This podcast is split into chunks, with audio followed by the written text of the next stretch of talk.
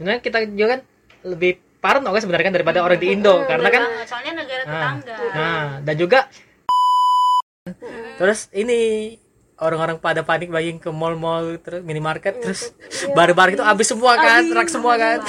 itu kayak dari makanan pokok bahan pokok sampai yang nggak penting-penting tuh iya sampai juga. snack-snack itu kan.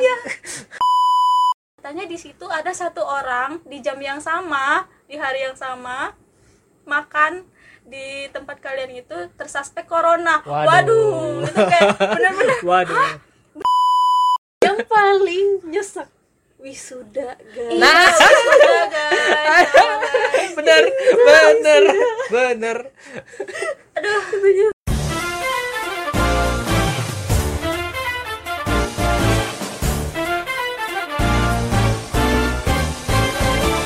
Assalamualaikum warahmatullahi wabarakatuh Masih bersama gua Benny Mardiano Dan untuk episode kali ini Gua mengajak dua temen gua nih Cewek-cewek semua nih Dua temen cewek di kelas gua Yang pertama ada eh, Saudari Ratih Apa kabar Tih? alhamdulillah baik Eh, Ben kok halus banget sih suaranya? Malu-malu Tih Santai aja, santai, santai Ah, alhamdulillah baik ya? baik baik Baik ya? baik Dan satu lagi ada teman D3 Polsri yang udah lebih dulu kenal Ada Rani, apa kabar Ran? Alhamdulillah baik bung Benny Eh, baik ya? alhamdulillah Kegiatan seminggu ini apa aja nih, Ran? kegiatan seminggu ke belakang kayaknya ini deh kalau aku ya magang sih Magang tapi kan? karena kemarin sakit jadi aku istirahat di rumah Oh, iya ya. Oh iya, benar benar. benar. Dan juga ini kan ini udah masuk setengah dari fase magang kita kan. Benar nggak? benar benar Dan ada beberapa teman dan mungkin kita nih termasuk orang yang mau pindah magang nggak sih? hmm. benar ya kan, Dik? iya benar benar Jadi eh, FYI kami sudah setengah setengah jalan lah, ya, setengah jalan di fase magang ini dan di perpindahan semester ini kami memutuskan untuk pindah tempat magang kan. Nah, dan mulainya kalau perusahaan kami satu satu Juli. Juli. Juni. Eh kita satu perusahaan ya. satu Juli. Satu Juli. satu Juli. Kita di perusahaan yang sama ya. Lupa lupa. Jadi untuk bahasan hari ini sebenarnya tuh mana ya? Awalnya tuh dari awal bikin podcast tuh udah sempat mau bikin bahasan tentang ini. Tapi ngelihat Taiwan yang begitu sigapnya dalam menghadapi pandemi corona ini gue pikir tuh awalnya ah nggak nggak usah lah gitu kan. Tapi semen, pas bulan Mei kemarin kan tiba-tiba ada info kan dari Taiwan CDC apa kalau salah melalui OYA kita kan kantor kampus kita ngabarin kalau ada kasus COVID yang kena kan akhirnya di Taiwan. Setelah satu tahun lebih kan Taiwan dengan segala apa ya dengan segala Antisipasi. ya antisipasinya kan yang menurut gua juga ini lumayan ini panjang kan itu. Akhirnya kena juga nih. Gimana nih pendapat kalian ti? Perasaannya kan Agak- awalnya kan ini kan agak disayangkan banget ya. Disayangkan ya? Kayak awalnya kita ngerasa di sini udah aman ya dibanding di Indo. Hmm. eh taunya di sini malah eh kebijakannya lebih lebih sih tapi maksudnya untung juga eh karena kebijakannya itu makin lama makin nurun gitu kan jadi apa awal-awal ada covid ya Oh, oh, info awal- covid yang dari ah, Cina kan mm-mm. Ah. tapi yang aku dengar tuh emang awalnya tuh bukan dari oh ya awal ini mulai naik lagi tuh Hah? karena emang ada dua foreigner dari Luar. India Mm. Hmm. itu masuk terus kena merembet merembet padahal mereka udah sempat isolasi 14 Hmm. hari terus katanya udah sempat PCR apa sih swab apa PCR gitu. Dinyatain negatif eh ternyata gak lama setelah itu di PCR lagi jadi positif. Oh. Dan mereka tuh udah sempat ke mana-mana gitu kan jadi emang Oh, iya iya iya. sangat disayangkan banget sih. Iya juga dan juga kan pas awal info covid ini kan pas Desember 2019 itu kan sebenarnya kita juga kan lebih parno kan sebenarnya kan daripada orang di Indo karena kan Banget, soalnya negara Ah. tetangga Nah, dan juga gue sempat riset ya da- jarak dari Wuhan ke Taichung itu hampir mirip dari jarak dari Medan ke Palembang. iya ini. lewat lewat laut ya Nah, untungnya Taiwan ini ke pulau-pulau, bukan darat kan. Karena kan salah satu faktor penyebaran corona itu kan karena apa perpindahan orang-orangnya kan. Untung Taiwan ini negara yang satu pulau dapat info itu mereka langsung sigap kan, nutup semua penerbangan, banyakin masker kan, infonya kan. Di mana kalau di Indo kan pas awal Covid kan apa? Oh, apa sih ini? Covid covid. Ya, pen- masih nyantai. ya koron itu apa? Masker itu di itu diselundupin. Iya ya, sih, dibeli banyak-banyak terus dijual beberapa kali lipat kan. Sedangkan di Taiwan sendiri itu kan menurut info juga setelah dapat kabar itu mereka langsung itu kan bergerak sig- sigap salah satunya dengan itu tadi yang masker. Nah, kalian pas in, dapat info awal covid itu langsung juga nyari masker gitu kan iya sih. Tapi kalau awalnya tuh lebih ke parno sih kayak Parla ya. karena kan em, tak satunya kan ngerantau jauh dari orang tua gitu kayak ngerasa aduh ini bisa nggak sih ngelewatin yang kayak gini? Sedangkan Hmm. di negara orang kan kita belum tahu kebijakan bagaimana kan. Tapi alhamdulillahnya Taiwan tuh negara yang preventif sekali kayak gitu. Jadi kan kayak pengatur ah segalanya tuh diatur gitu loh kayak pembelian masker aja harus pakai ARC atau segala macam. Hmm. jadi kayak ada ngerasa, regulasinya ya, ya, safe Gitu. banget gitu kalau ada regulasinya. Bener-bener. Awal itu ya ngelihat di toko kuning Mm-mm. itu tuh masih ada masker. Oh besok aja lah. Hmm. kira belum penting banget. Eh pas besok dilihat lah udah habis. Nah, itu pengalaman persis pengalamanku ti. Soalnya kan awalnya kan kita kan dengan apa pandemi penyakit ini kan bukan hal pertama yang kita lihat di dunia kan maksudnya. kayak di Afrika kan ada Ebola kan SARS segala macam. Jadi kan mungkin kita berpikir eh, kalian sama gue juga berpikiran sama ini apa wabah ini bakal cepat berlalu gitu kan gitu kan. Tapi lama-lama kok makin gede makin besar. Awalnya gua sendiri tuh sama masker tuh ini kayak awalnya tuh nggak terlalu sering pakai walaupun normal-normal. Tapi s- semenjak itu ke toko kuning tadi kan ada nama toko yang sering disebut di podcast ini namanya toko kuning. Karena berwarna kuning. Ngeliat kan ada satu rak satu rak itu khusus jual masker doang kan. Ngeliat oh masih banyak nih santai lah. Setelah dua atau tiga hari pas bener-bener disuruh pakai masker ngeliat ini tuh habis. Bener satu rak itu bersih. Iya. Langsung kan ke minimarket terdekat yang PX ngeliat alhamdulillah masih ada masker kan. Langsung lah beli dua langsung waktu itu dua bungkus isi enam atau berapa lah kan. Mungkin pas hari itu juga atau besoknya langsung habis juga tuh Iya. Kamu gimana Ren pas mau beli maskernya? tapi sih kalau misalnya nggak tahu sih ini kalau misalnya aku lihat juga dari berita-berita kayak itu tuh itu sengaja jadi kayak bukan ditarik kayak gitu gara-gara takutnya ada yang namanya panik buying atau pen, Hmm, panic buying. penyelundupan Ah. jadi kayaknya itu makanya eh, pembelian masker itu tuh kayak diregulasiin kayak harus pakai harus pakai ARC dan harus belinya di eh, apotek-apotek tertentu Nah, ya, gitu apotek. Iya, iya. dan juga aku tuh ngerasanya di sini tuh enaknya kalau di Indo tuh kayak kalau ada pandemi atau musibah tuh kayak oh ini kesempatan nih naikin harga gitu nah kalau di sini nih alhamdulillahnya masih kayak standar gitu gitu enak Iya, karena regulasi tadi kan tidak ada bat- ada batasannya itu. Hmm, Iya. Dan juga ini pas beli masker yang dari apotek tuh kalau gue beli ini ngerasa maskernya agak lebih gedean ya. Bener gak sih? Iya, ya, gitu. Bener. Lebih longgar gitu. Harus dua, dilipat dua kali tuh talinya tuh. iya bener Bener kan? tapi kan kalau kalau aku ya karena pakai apa konektor itu jadi agak Oh, karena pakai hijab. Heeh, heeh, Nah, jadi iya. nggak begitu ini sih Iya. Mungkin ada yang ini memanfaatkan apa? Jadi ladang bisnis yang jual konektor itu ada tuh Iya. sempat kelihatan di Iya, grup. Iya kan ada jual ini. Bener kan bener. susah banget kalau misalnya anak hijab pakai masker tuh Masker. kalau misalnya Iya, di kuping gitu tuh kan Hmm. di kayak gini tuh sakit Oh. kupingnya sakit. Ya ada juga pas aku di kerja ada yang dilapisin sama tisu. tuh. Iya kan? kreatif banget Dilapisin tisu. Terus ada yang pakai cowok pakai konektor di di leher dia ininya. Iya kelihatan di leher. Cara-cara kreatif orang kan beda-beda. Dan juga pas awal-awal Covid itu kalau yang kita beragama muslim itu akses untuk ibadah tuh langsung dibatasin gitu. iya Hmm, termasuk pas sekarang lagi balik lagi kak awalnya pas awal-awal itu sempat dilarang ibadah di musola kampus. Setelah agak mereda itu diperbolehkan lagi kan? Tetap dengan protokol kesehatan di tes suhu dikasih tuh Hand sanitizer. kan? Sholat aja harus pakai jarak kan? Tapi setelah kita satu semester berjalan yang semester tiga tahun kemarin kan? Udah mulai reda udah mulai lagi sholat rapat-rapat kan? Mulai rapat dan juga pas setelah itu nggak ada lagi tes suhu pas masuk kampus. Iya Ya kan? udah kayak hampir mau normal lah nah, nah tes mas tes suhu masuk kampus itu selama satu semester tuh semester tiga aku ingat. Pas semester 4 udah nggak ada lagi sekarang balik lagi ya kak balik lagi. Balik lagi dikarenakan info yang dari OIA tadi kan. Ini aku nyatet nih timelinenya nih. Dari ini sumber infonya kan dari FB ya? FB eh, by the way FB di Taiwan ini cukup aktif kan? Iya bener bener kan?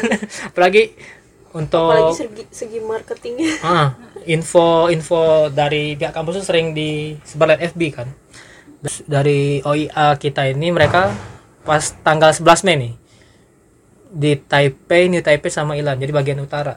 Emang ya bagian utara itu yang awal kena kan? Iya. Ah, dua dua orang yang kena gitu. Nah awalnya kan pas gua lihat ini waduh kena nih. Pas pasti lama nggak lama lagi ini bakal kayak sekarang ini. Hmm. Kalau kalian sendiri gimana tih kalau aku awal tahu ada foreigner itu sebenarnya kayak emang wanti-wanti sih takut Wanti-wanti. juga uh-uh. dan emang untungnya pas udah mulai naik naik naik naik gitu eh, apa tiap toko tuh harus eh, scan barcode gitu kan. Nah ya soal itu juga. Terus regulasi baru lagi. uh-uh, wajib Ah. pakai masker ke mana-mana. Hmm. apa lepas masker di tempat umumnya denda kan tiga ribu. Ya di, Jadi- ya dengan ancaman-ancaman lah. Heeh, jadi sempet agak parno juga sih kalau mau keluar juga.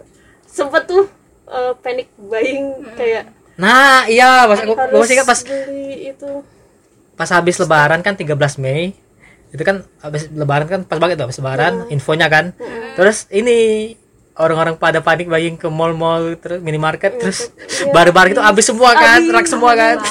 itu kayak dari makanan pokok bahan pokok sampai yang nggak penting-penting tuh iya sampai snack-snack gitu kan. Bener. bener bener bener. Aku juga sempat ngeliat telur tuh paling yang Telur paling kerasa tuh telur menurutku karena kan kita makannya telur sempat gitu berapa hari atau apa sampai seminggu kan. Susah nyari telur. Susah banget iya iya ingat ingat ingat. Telur Aduh, telur telur. Nah aku kan sempat dengar nih dari kalian berdua masing-masing ada cerita tersendiri nih. Mengenai bangkitnya kembali covid yang di Taiwan ini. Waduh. Siapa tuh yang mau cerita? Dari timeline siapa tuh yang Rani, pertama kena? Rani dulu. Rani dulu ya? Oke dari aku dulu mana tuh awalnya eh Ran jadi kan sebenarnya kan kita tuh di Taichung jadi kan lumayan jauh dari Nah, tempat iya. awalnya yang tersuspek tuh yang di Taipei kan Nah, di utara kan Heeh, di utara sementara Hmm. kita di Taichung udah kan kayak ngerasa ya dan itu juga baru imported cases ya jadi kayak ngerasa udahlah itu kan kasus kasus impor juga jadi kayak ngerasa masih aman gitu apalagi Hmm. dengan regulasi Taiwan yang yang sudah, lumayan sudah teruji kan sama Iya, setahun ini kan preventif sekali Nah, teman-teman iya. gitu tapi kayak udah nih kan eh, lebaran nih lebaran tanggal 13 Mei 13 kan? Mei. 13 Mei udah kan karena di sini juga nggak ngerayain lebaran orang sini jadi kan bodoh amat lah ya kan ngerayain Nah, lebaran tanggal ta- dua hari kemudiannya tanggal 15 Mei itu makan nih sama teman-teman ke Makan resto restoran. iya resto Korea gitu. Waduh. Nah ya kan ada diskon sih sebenarnya itu kan. Promo ya? Ya promo gitu. Jadi kayak aduh penasaran nih gitu kan. Pengen jalan-jalan juga sekalian gitu. Tapi kan di situ belum ada pemberitahuan nih kalau misalnya Ya, masih hari-hari normal kan? iya itu benar-benar normal. masih hari normal. Ke apa mm, mau ke apa naik bus aja nggak usah scan. Pokoknya benar-benar normal benar-benar Nah, normal banget. ya. Dah kan makan di situ. Ya, tapi perasaan bahagia kan? Heeh, tapi di situ tuh udah udah kayak karena restonya juga rame mungkin ya aku juga kebiasaan karena udah kebiasaan pakai masker ya mungkin kan. Hmm. jadi aku pakai masker sama teman-teman juga pakai masker di sana. Dan di situ kan makanannya all you can eat. Jadi kan ngambilnya tuh sendiri-sendiri itu Hmm. tapi udah dibilangin sama si waitersnya kalau misalnya mau ngambil harus pakai masker gitu. Oke. Heeh, kan? Jadi kayak makan udah nih dah pas sorenya pulang baru tuh ada regulasi kalau misalnya bakalan lockdown oh bakal lockdown Ah, bakalan bakalan lockdown belum belum lockdown itu. Hmm. Terus setelah itu sudah kan kayak berjalan seperti biasa dan gara-gara yang di Taipei itu udah mulai menyebar menyebar. Jadi kan kayak mungkin kayak di perusahaan juga di eh, bus-bus juga kan udah mulai kayak ayo pasang masker lagi, Iya, pakai iya. hand sanitizer lagi, Iya, temperatur cek lagi segala macam lah itu. Udah nih. Eh tiba-tiba tanggal 19 Juni itu habis habis 19 Mei. Iya 19 Mei maaf itu langsung ditelepon nih dari O- ini dari Pihak kampus. OIA ya pihak kampus ini kayak katanya kamu ini ya kamu pernah makan di resto Korea ya gitu. Hmm. iya nih kenapa? gitu kan kayak aneh tapi dalam hati aduh kenapa sih ini? Iya katanya di situ ada satu orang di jam yang sama di hari yang sama makan di tempat kalian itu tersuspek corona. Waduh. waduh itu kayak bener-bener waduh. Beneran gitu. Karena kan posisinya kan itu kan lagi normal kan kalau iya, social iya, iya. distancing. Jadi kayak ngerasa waduh ini panik lah kan. Udah kayak udah kan si OE langsung kayak pihak kampus tuh bilang iya kamu harus ini harus besoknya kamu harus ini kan tes, tes. gitu. Oh beneran tes? Ya, beneran tes. Dan Oh. Apa namanya kamu harus karantina 14 hari Oh, gitu-gitu ya. awalnya sih aku biasa aja karena Oh, ya. kan, Ya, eh, tunggu, tunggu. Satu orang yang di restoran itu tuh dari dari Taipei dianya. Atau gimana? aku kurang tahu sih tapi katanya bukan dari Taipei juga sat- mahasiswa juga kayak gitu Oh, terus kenapa dia bisa ke suspek itu? Apa dia dari tempat lain juga? ya? ah ah, dari tempat lain juga Oh. Karena kan sebelum dari resto Korea itu kan kalau dilihat dari histori Ya, perjalanannya histori dia kan di perjalanan. kampus nah kan ada anak kampus lain juga yang Ah ya ada Nah, Tunghai nggak sih yang ah, ah, sempat ada itu? Iya, tapi yang Tunghai ke atau suspek apa di gitu? eh, di tempat makan itu aku nggak tahu yang exactly yang mana gitu. Hmm, oh. Berarti pas itu kan rame tuh. Berarti semuanya itu ke suspek semua tuh termasuk kalian. Iya. Oh. Jadi di sini tuh bener-bener gimana ya, bener-bener sepreventif itu ininya Oh, sih. pihak kamu sih berarti tahu kalian berarti ya dari histori perjalanan kalian ya. Heeh, gitu. Oh. Karena kan pada saat mau masuk itu kan juga ada pendataan ini kan handphone Ya. segala macam gitu. Nah, mungkin dari situ. Oh. Jadi habis itu kalian dites langsung besok ya? Heeh. Besoknya tuh langsung ke apa namanya ke rumah sakit rujukan yang dikasih Hmm. oleh kampus dan cuman kasih ARC dan student ID gitu kan. Karena kan student jadi kayak gratis gitu Hmm. Ya, kan ya, segala ya. macem. Udah sebenarnya sih kayak ngerasa aman aja karena selama makan di situ pakai masker dan juga nggak interaksi sama orang lokal cuman cuman makan semeja sama teman-teman kan Hmm. tapi pada saat tes itu ngelihat udah orang pakai APD dan segala macam tuh itu itu deg-degannya luar biasa kayak aduh gimana nih kalau misalnya lagi kan kita nggak tahu kan Iya, iya. kondisi imun seseorang itu tuh Nah, iya, baik atau lagi- enggak kan iya Lagi rendah. kan? Heeh, apalagi kalau misalnya kita muda tuh ini kan katanya tuh eh, tanpa gejala kayak itu kayak gitu Ah, nah iya.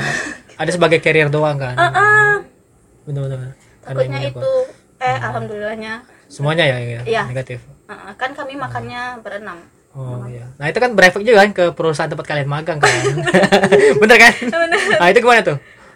Dari teman-teman kan ada perusahaan magang yang lain. Itu regulasinya sama semua tuh di iso mandiri semua itu. Kalau yang itu karena kami juga langsung negatif gitu kan kalau Hmm.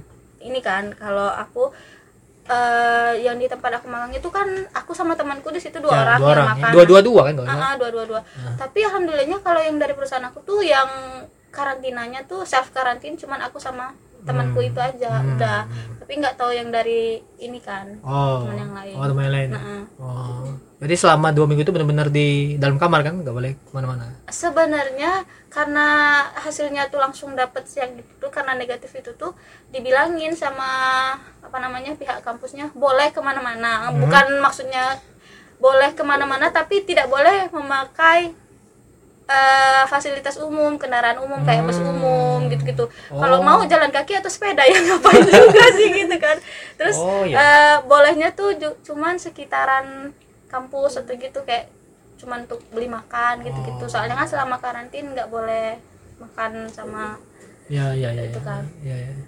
Oh iya. Tapi ah, setelah itu balik normal lagi kan. Maksudnya balik normal tuh bisa kembali magang lagi. iya ya. Kamu tadi ada mau ditanya ya tentang Rani ini Ti? nah ini kan yang nyimak ya, beda kan? hit- hit- hikmat hikmatnya deh. nyimak aku jadi sebenarnya aku kayak eh, sebenarnya nggak kontak langsung kan sama orang yang kena juga di tempat makan itu karena posisinya juga aku nggak ke mana-mana pada saat Sabtu Minggunya itu kan aku di rumah doang gitu loh Ya. Nah itu tuh sama teman sekamarku juga di kamar aja nah pas Seninnya aku balik ke tempat magang ke Taja tuh eh, oh nggak ada apa-apa sampai hari Rabunya tuh tanggal 19 ya? Tanggal 19 ya hari Rabu iya ya 19. Mei. Heeh, hari Rabunya tuh aku nggak masuk. Aku nggak masuk sendiri karena, Karena- aku lagi nggak enak badan juga kan. Wah, wah, wah. aku nggak enak badan terus aku ngerasa agak demam juga pas paginya tuh oh pikir aku oh nggak apa-apa udah nggak apa-apa kayak gitu kan aku mikirnya. Ya, ya. udah terus pas mm, teman tiga eh tiga teman kamarku balik kerja eh pas sorenya tuh dua orang ditelepon sama OAE Ya kampus. eh eh, sama pihak kampus. Disuruh balik ke Taichung eh, isoman. Dua orang ini yang bareng Rani itu ya? Iya Rani. Kan dua-dua iya iya iya iya. Terus aku bingung loh kenapa? Oh eh, iya kemarin eh, kita tuh ada makan di tempat eh, eh, resto itu yang di mana ada yang kesuspek juga kan di situ terus terus pikir aku aku sama temanku yang satunya tuh teman sekamarku teman sekamarku di Taichung tuh eh di Taiping pikir kayak kita pasti bakal isoman juga tapi nggak disuruh sama pihak kampus tapi sama pihak perusahaan gitu Hmm, karena, kalian di, jatuhnya, eh, di eh, perusahaan sa- itu satu kamar. satu kamar berempat. Oh, jadi kayak iya, pikir aku nggak mungkin sama pihak kampus tapi sama pihak perusahaan. Entah itu kapan gitu kan. Tapi yang pasti iya gitu. Oh jadi awalnya mereka berdua dulu duluan yang disuruh pulang? Heeh, mereka Oh. dulu berdua dulu kan suruh pulang. Nah terus mungkin pihak kampus ngubungin pihak perusahaan gitu kan. Penyebabnya Nah, kan. iya terus pihak perusahaan nggak mau ambil resiko. Oh. jadi kayak eh, setelah nggak lama setelah sejam selang sejam tuh aku ditelepon pihak kampus juga oh sama temanmu yang di kamar juga Iya sama teman sekamarku juga. Terus kayak eh, Rati kamu balik ya ini Eh, kamu isoman eh, sama 14 hari. Oh aku ikut juga aku bilang gitu. ikut juga iya sama teman kamu satunya. Oh ya udah gitu kan nanti bareng ya nanti ada yang jemput kamu katanya Oh, gitu. ya sempat ada itu info juga kalau kan kalian sampai dijemput kan Iya, aku sampai nggak pakai fasilitas umum kan Mm-mm. Sampai dijemput. Oh ya udah nggak apa-apa. Udah tuh. Terus eh, pas kita pulang eh besokannya dua teman sekamarku itu kan tes dan Ya. aku tanya hasilnya oh negatif. Oh syukurlah gitu kan. Berarti Hmm. eh, aku sama teman sekamarku yang di typing nih fine lah nggak kenapa-napa gitu Ya, kan. ya, ya, ya. Terus udah tuh kita coba buat ke IA oh, ke pihak kampus. Nah, ternyata di situ ketemu Profesor Luo. oh prof ya Prof Luo. Ya, ibaratnya ayah kita lah di sini Iya, kan? kita di sini bener. Kena- kenapa dia Dia bilang, aku nanya kan, Prof, eh, ini teman sekamarku yang di Tajani Di negatif, kerja. eh, hasilnya. Boleh nggak kalau aku sama teman sekamarku yang di typing nih Hah? Balik kerja Hmm, gitu kan? ya, ya.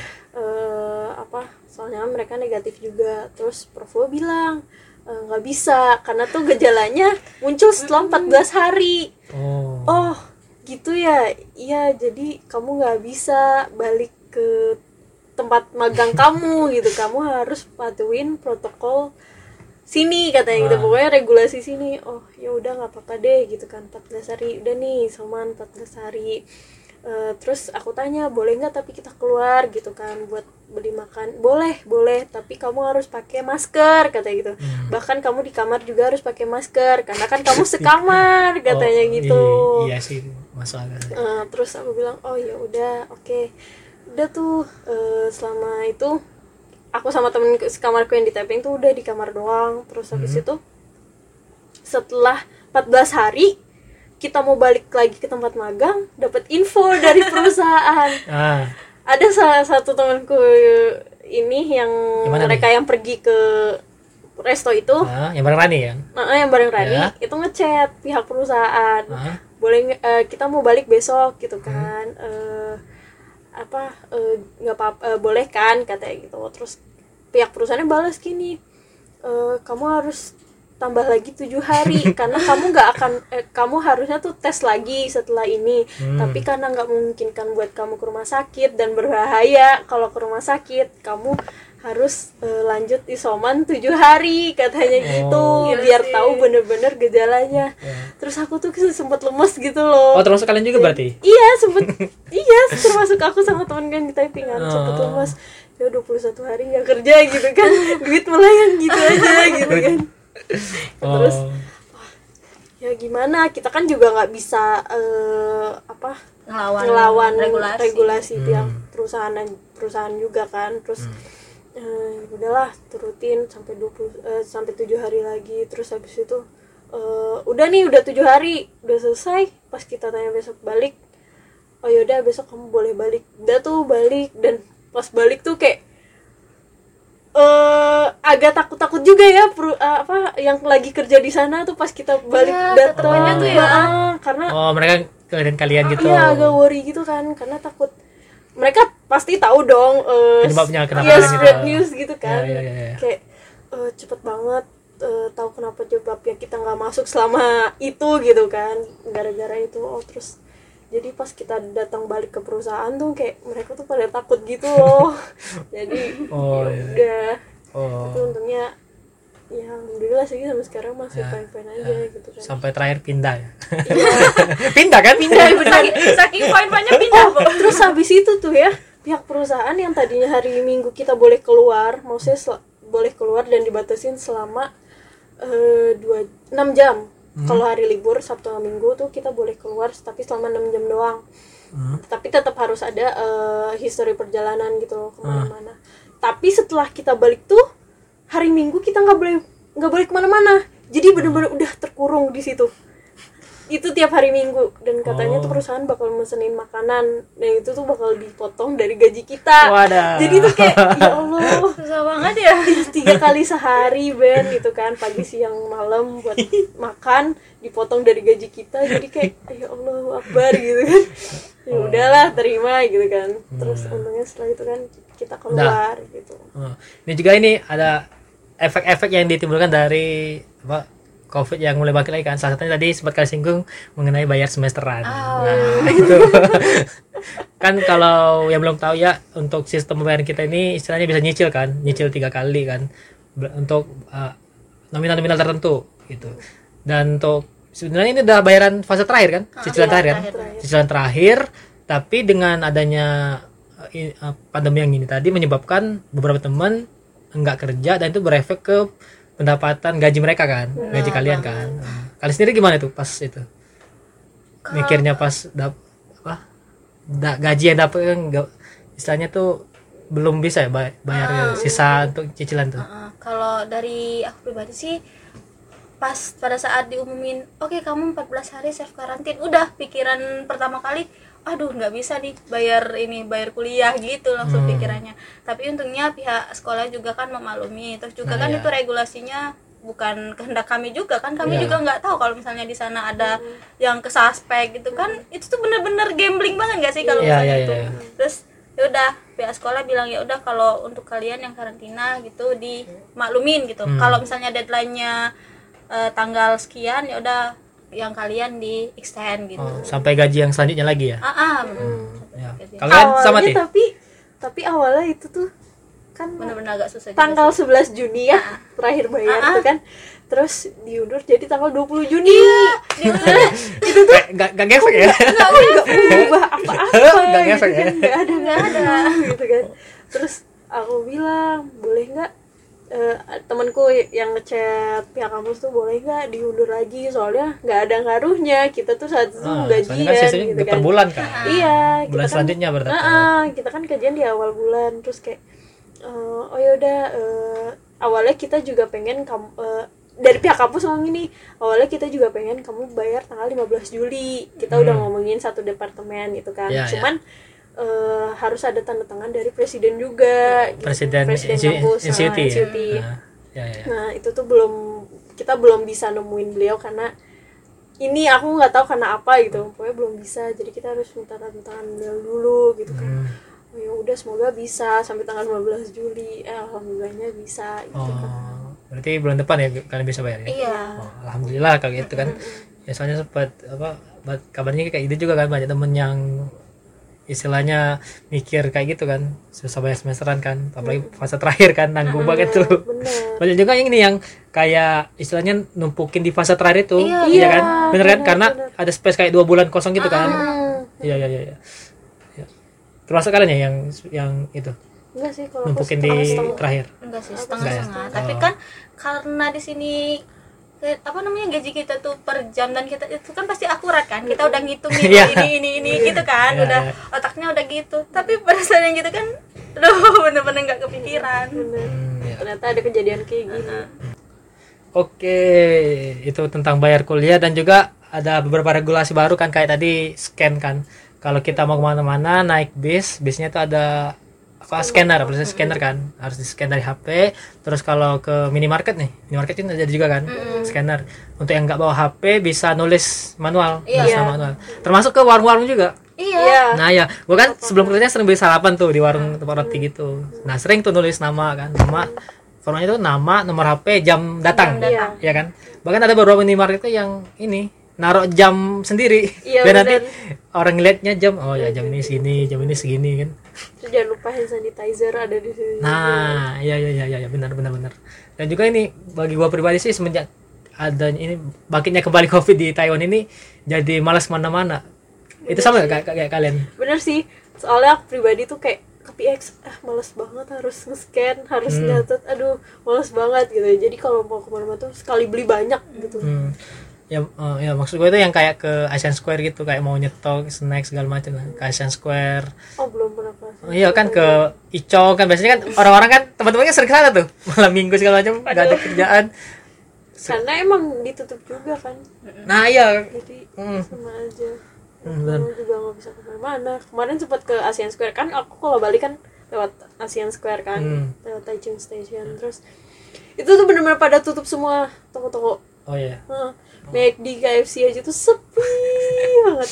Dan emang udah nggak boleh makan di situ kan nah harus ya white regulasi kan. barunya harus dibungkus ya. Heeh. nggak boleh makan di tempat kan. away, hmm, harus take away. Jadi kayak sepi banget. Itu ASEAN Square yang biasanya kita ngeliat rame gitu ya. Hmm. itu sepi banget. Sepi banget ya? Sepi banget sepi banget. Oh iya.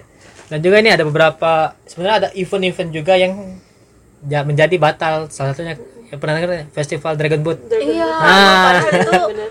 udah kita udah nunggu banget gak sih Iya, sama kan kalau dia mau rela mau daftar kan bisa kan. Iya. Ya mau ikut dayung-dayung gitu kan asik sebenarnya itu. tahun kemarin tuh kan kita nggak bisa tuh karena apa ya Corona juga. enggak enggak Karena- karena, karena part time deh kalau nggak salah Masa? kita masih ada kuliah Oh iya.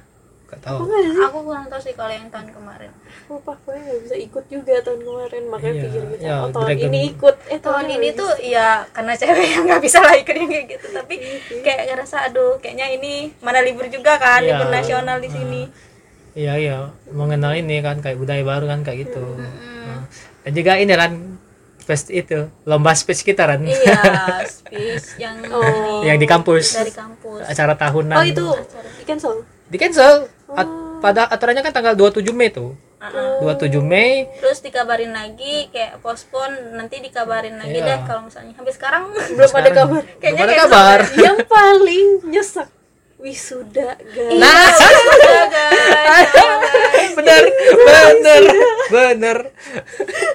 itu nyesek banget. Karena ini eh, yang belum tahu mungkin bisa diinfo dulu. Untuk khusus di Taiwan kayak proses wisuda itu setahun sekali dan di pertengahan tahun di which is itu bulan Juni kan.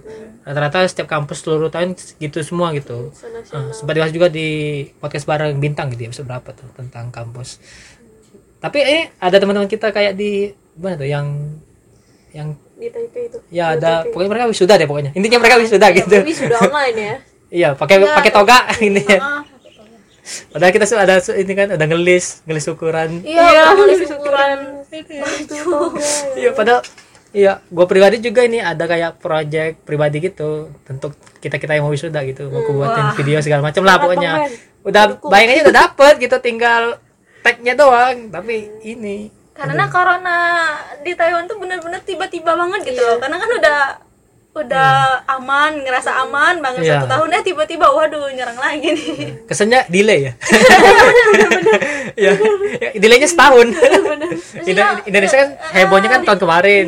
Dan itu Taiwan bener-bener kena. baru lockdown gak sih setelah kita yang awal-awal corona tuh? Ingat gak yang awal corona tuh bener-bener kita nggak pernah lockdown gak sih? Heeh.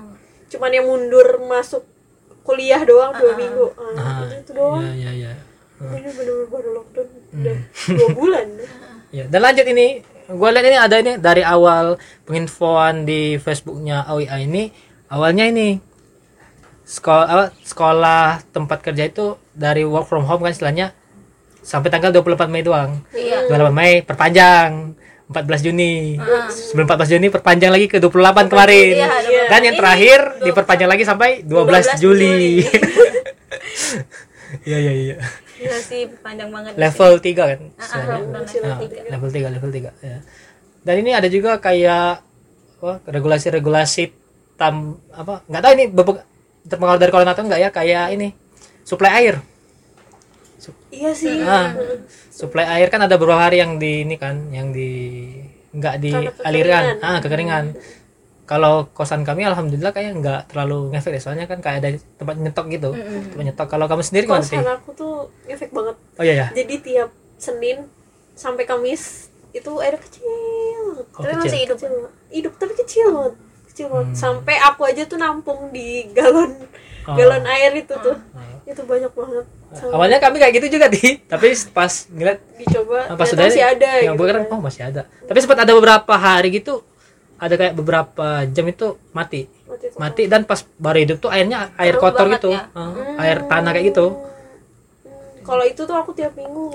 Oh ya Heeh. Hmm. pernah sampai yang sampai dua hari tuh yang ada pemberitahuan dari OEE yang dari tanggal berapa sampai tanggal berapa Ah, gitu kan? ada. Nah, itu tuh dua hari bener nggak ada air sama sekali di kosan aku. Waduh. Nggak ada sama sekali. Nggak ada air sama sekali? Oh, Setelah jadi nggak mandi? itu, iya nggak mandi dua nggak hari. mandi ya. tapi untungnya saat itu lagi isoman. Oh momennya lagi isoman ya. Heeh, heeh, jadi kayak nggak Oke, oke, ke mana-mana oke. juga kan. Hmm, iya iya iya. Nah, setelah itu pas airnya keluar ya itu kayak air tanah gitu keluar sampai sekarang atau udah enggak lagi kalau sekarang senin sampai kamis ya tetap air oh tetap ya? Hmm ya ya ini ada juga nih regulasi lain tuh kalau mau ke pasar pakai ARC ganjil genep iya benar aduh geli ya ARC ganjil genep ngeliatnya gimana ngecekin satu-satu gitu. Iya. Ad- ya itu kan salah satu apa upaya dari pemerintah Taiwan. Menurut kalian gimana sih kak cara Taiwan me- apa mencegah dari awalnya mencegah sampai masuk akhirnya cara mereka mengatasinya gimana sih menurut kalian sendiri Rani nih Eh, kalau aku dari pribadi sih dari awal tuh emang bener-bener ngerasa kalau bayangannya kita kan orang Indo dari Ah. sama pemerintah Indo ya di kalau Indo. misalnya sebenarnya kalau mau di compare itu nggak apple to apple sih soalnya kan Ya, ya. Taiwan negara apa negara maju sedangkan kita kan baru negara berkembang gitu tapi eh, overall Taiwan tuh benar-benar bukan lagi solutif memang benar-benar preventif jadi sebelum kalau misalnya kayak eh, kalau orang tuh kan ngelihatnya ah baru 8 suspek ah baru 10 orang gitu Hmm, iya, kalau iya. di sini nih enggak kayak misalnya waduh udah 8 nih jadi tindakannya tuh bener-bener cepet Hmm, gitu iya, nah iya, iya. gitu kan. termasuk yang histori perjalanan kan bisa tahu Ah, semua iya. mereka jadi kayak mungkin ke depannya Indo Indo ataupun negara lain tuh bisa mencontoh sih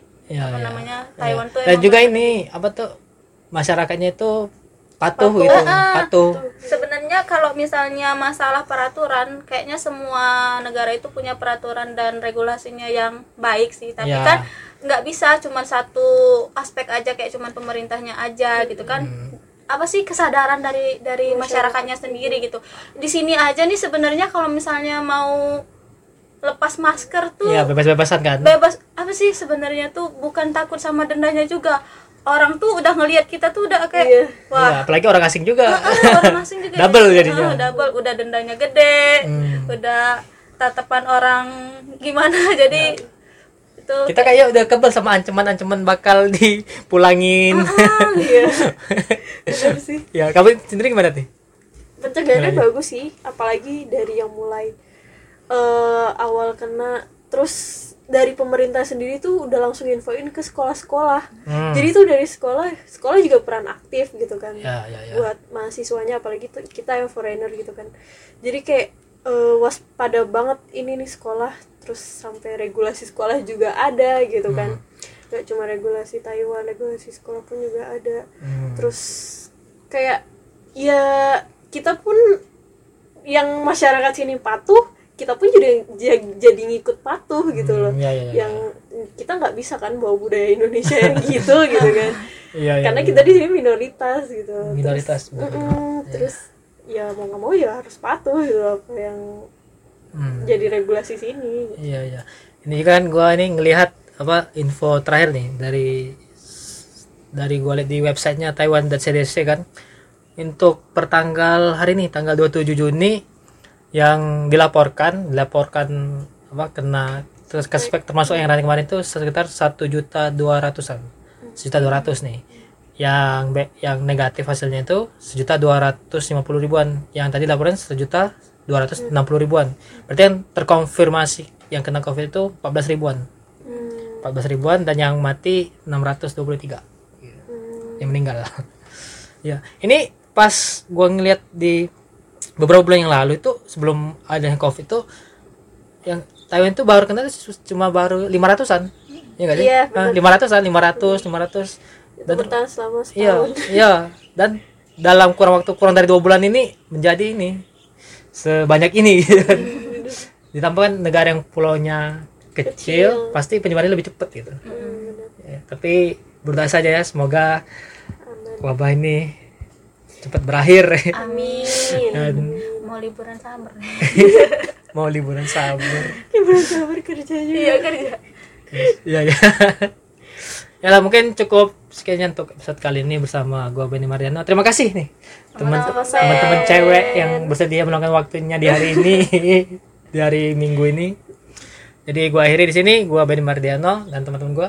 Rani. Dan terakhir. Tati kami akhiri wabillahi taufik wal hidayah. Wassalamualaikum warahmatullahi wabarakatuh.